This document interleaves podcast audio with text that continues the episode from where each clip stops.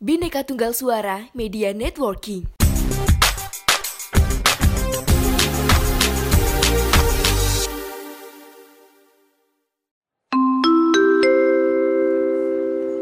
Mohon perhatian.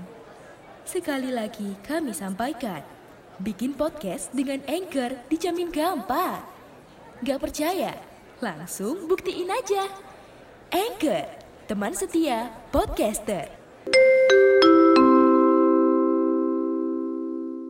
Halo sobat masa lalu, kita ketemu lagi di Poseidon, podcast sejarah Indonesia di konten History for Life. Apa kabar kalian semua?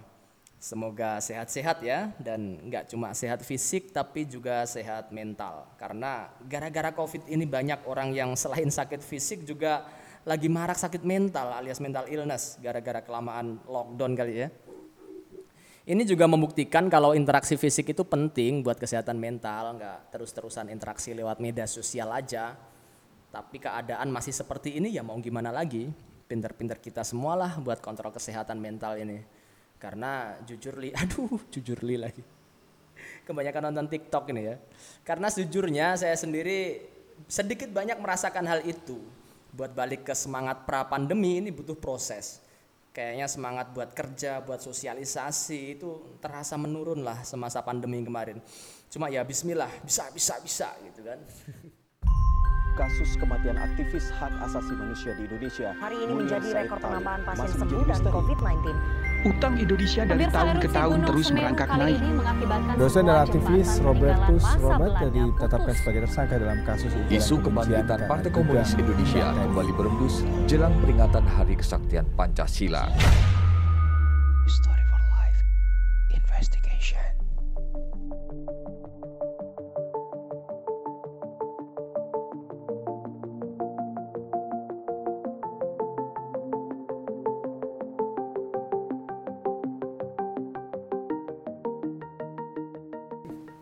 Kali ini saya mau bahas soal konflik yang jauh dari Indonesia tapi jadi pusat pemberitaan di dunia. Ya apalagi kalau bukan soal konflik Rusia dan Ukraina.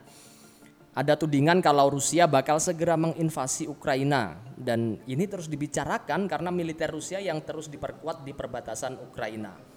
Negara-negara barat termasuk sekutu NATO berbondong-bondong mengirimkan bantuan alat militer jika invasi dan serangan tiba-tiba saja terjadi. Tapi yang menjadi pertanyaan apa sih akar konflik Rusia dan Ukraina ini? Ada beberapa faktor ya. Pertama adalah soal perdagangan dan pencaplokan wilayah Crimea. Pertama soal perdagangan, tapi sebelum masuk ke sana kita mesti perhatikan dulu kalau Ukraina dulunya merupakan bagian dari Rusia yang ketika itu bernama Uni Soviet sampai kemudian merdeka tahun 1991. Hubungan antara Ukraina dan Rusia ini juga panas dingin. Jadi rakyat Ukraina sendiri terbelah antara yang memilih untuk menjadi sekutu Rusia dan satu lagi menjadi sekutu Uni Eropa. Ketika presiden terpilih lebih dekat ke Rusia, dia akan dihajar habis-habisan oleh rakyat yang pro Uni Eropa. Sebaliknya juga begitu. Ketika presiden terpilih lebih dekat ke Uni Eropa, dia akan dihajar oleh rakyat yang pro Rusia, termasuk oleh Rusia sendiri. Karena Rusia pasti akan terganggu kalau negara tetangganya itu tampil sebagai musuh politiknya. Sampai kemudian tahun 2013 ada tawaran bagi Ukraina untuk melakukan kesepakatan politik dan perdagangan dengan Uni Eropa. Presiden Ukraina ketika itu, Viktor Yanukovych kebetulan adalah orang yang pro Rusia. Maka Pak Viktor ini kemudian menolak perjanjian asosiasi dengan Uni Eropa demi hubungan baik dan lebih dekat dengan Rusia. Penolakan itu memicu gelombang protes massa sampai berakhir dengan penggulingan Pak Victor dari kursi kepresidenan tahun 2014. Maka tahun 2014 Ukraina dipimpin oleh orang yang pro Uni Eropa. Mulailah Rusia mengganggu Ukraina. Sekali lagi, karena Rusia tidak suka jika tetangga dekatnya menjadi musuh dari Rusia. Maka tahun 2014 Rusia mulai mencaplok Crimea yang ketika itu adalah milik Ukraina meskipun dengan status semi otonom. Jadi buat teman-teman yang belum tahu, Crimea ini adalah wilayah semi otonom di Ukraina yang secara kebudayaan sebetulnya lebih dekat ke Rusia. dan sebagian besar rakyatnya lebih memilih untuk bersahabat dengan Rusia. Ketika Presiden Viktor yang pro-Rusia digulingkan, Crimea bergejolak dan memprotes kudeta itu. Rusia dengan senang hati dong mendukung rakyat Crimea yang kemudian diakhiri dengan referendum. Hasilnya adalah rakyat memilih untuk memisahkan diri dari Ukraina dan menjadi bagian dari federal Rusia. Uni Eropa dan PBB tidak pernah mengakui referendum itu karena dianggap tidak sah dan dicurigai itu cuma akal-akalan Rusia aja. Pencaplokan Rusia di wilayah semenanjung Crimea juga mendorong pecahnya pemberontakan separatis pro-Rusia di wilayah Donetsk dan Luhansk, di mana mereka mendeklarasikan kemerdekaan dari Ukraina. Pemberontakan itu memicu pertempuran sengit selama berbulan-bulan. Saat itu, Ukraina yang sedang pro-Uni Eropa menuduh Rusia mengirim pasukan dan senjatanya untuk mendukung kelompok pemberontak. Rusia membantahnya dan menuduh orang Rusia yang bergabung dengan separatis itu hanyalah sukarelawan-sukarelawan aja, bukan tentara. Ya kita dalam hati sih bilang apa bedanya Pak Putin?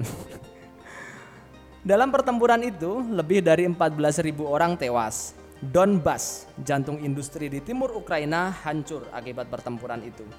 Satu tahun kemudian, tahun 2015, Ukraina dan Rusia menandatangani kesepakatan damai di Minsk yang ditengahi oleh Prancis dan Jerman. Tapi kesepakatan damai itu tercoreng dengan dilanggarnya gencatan senjata berulang kali oleh masing-masing pihak dan mereka saling tuding kalau mereka diserang duluan. Uni Eropa dan Amerika Serikat telah memberlakukan serangkaian tindakan sebagai tanggapan atas tindakan Rusia di Crimea dan Ukraina Timur termasuk sanksi ekonomi yang menargetkan individu, entitas, dan sektor tertentu dari ekonomi Rusia. Selain masalah itu, keinginan Ukraina untuk bergabung dengan NATO juga memicu tanggapan keras dari Rusia. Rusia seperti ingin menghalang-halangi Ukraina bergabung dengan NATO yang memang di awal pendiriannya bertujuan melawan ancaman ekspansi Rusia setelah perang di Eropa. NATO yang berdiri tahun 1949 kini sudah berkembang ke 30 negara termasuk bekas Republik Soviet seperti Lituania, Estonia, dan juga Latvia. Aliansi itu menyatakan bahwa jika satu negara diserang atau diserang oleh pihak ketiga, semua negara di NATO akan terjun ke medan perang untuk membantu. Rusia menuntut jaminan dari NATO bahwa Ukraina dan Georgia tidak akan bergabung dengan aliansi itu Pemerintahan Biden dan sekutu NATO mengatakan Putin nggak bisa membatasi hak Ukraina kayak begitu. Cuma sampai sekarang belum ada proses untuk memberikan keanggotaan NATO kepada kedua negara dalam waktu yang dekat ini. Karena semakin nggak ada kejelasan, Presiden Rusia Vladimir Putin marah besar dengan prospek pangkalan NATO di sebelah barat Rusia dan menyebut bergabungnya Ukraina dengan aliansi transatlantik pimpinan Amerika Serikat itu akan menandai perlintasan garis merah di antara keduanya.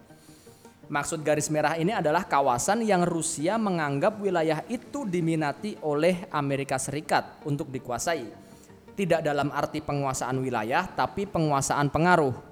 Kawasan yang dimaksud ya negara-negara yang bersebelahan dengan Rusia itu, termasuk Ukraina. Moskow melihat meningkatnya dukungan untuk Ukraina dari NATO, kayak pengiriman senjata, pelatihan personil, dan sebagainya, itu mengancam keamanan Rusia. Moskow juga menuduh Ukraina meningkatkan jumlah pasukannya untuk persiapan merebut kembali wilayah Donbas, dan itu sudah dibantah oleh Ukraina sebetulnya.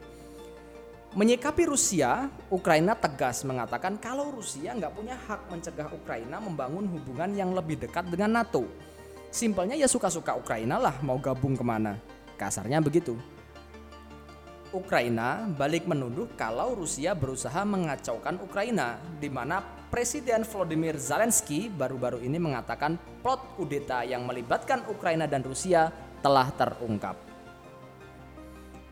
Menteri Luar Negeri Ukraina, Dmytro Kuleba juga memperingatkan kalau kudeta yang direncanakan dapat menjadi bagian dari rencana Rusia menjelang invasi militer. Ketegangan Rusia dan Ukraina ini diperburuk dengan krisis energi di Ukraina. Jadi pasokan energi ke Rusia kayak gas, kemudian minyak bumi itu selalu dihalang-halangi oleh Rusia dengan berbagai cara. Dan sekarang situasi Ukraina semakin memburuk karena popularitas Presiden Zelensky yang sedang stagnan. karena masalah politik domestik, termasuk akibat gelombang ketiga COVID-19 dan juga masalah-masalah ekonomi. Mohon perhatian. Sekali lagi kami sampaikan, bikin podcast dengan Anchor dijamin gampang. Gak percaya? Langsung buktiin aja. Anchor, teman setia podcaster.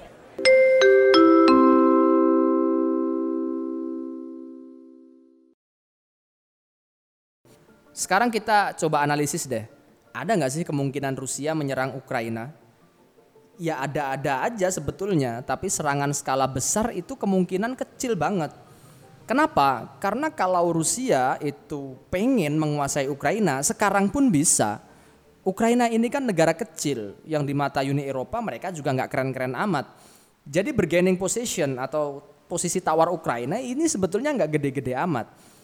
Maka konflik Rusia dan Ukraina ini sih kemungkinan ya, ini cuma konflik-konflik skala kecil dalam rangka memaksa Ukraina untuk tunduk di bawah pengaruh Rusia. Sekarang kenapa Rusia ngotot untuk menguasai Ukraina dalam hal pengaruh? Ya sebetulnya jawabannya simple. Kalau kita negara besar, punya banyak teknologi, punya banyak rahasia, kebocoran tentang rahasia-rahasia itu paling mungkin diketahui dari mana? ya paling mungkin dari negara tetangga kita. Bayangkan ya kalau negara tetangga itu nyata-nyata menjadi musuh kita. Apalagi kalau dibangun pangkalan militer milik musuh kita di sana. Bisa gawat. Ya ilustrasinya seperti itulah. Jadi bisa dipahami ya kenapa Rusia ini kekeh untuk menghalang-halangi Ukraina bergabung dengan Uni Eropa dan NATO. Dan ini kayaknya udah terlalu panjang ya. ya begitulah politik, terutama negara-negara besar mereka pasti akan tetap mempertahankan tanda kutip kebesarannya. Gengsi dong, ya enggak? Oke, saya cukupkan sampai di sini. Sampai jumpa di History for Life selanjutnya dan jangan lupa dengarkan juga podcast-podcast lain dari kami. See you.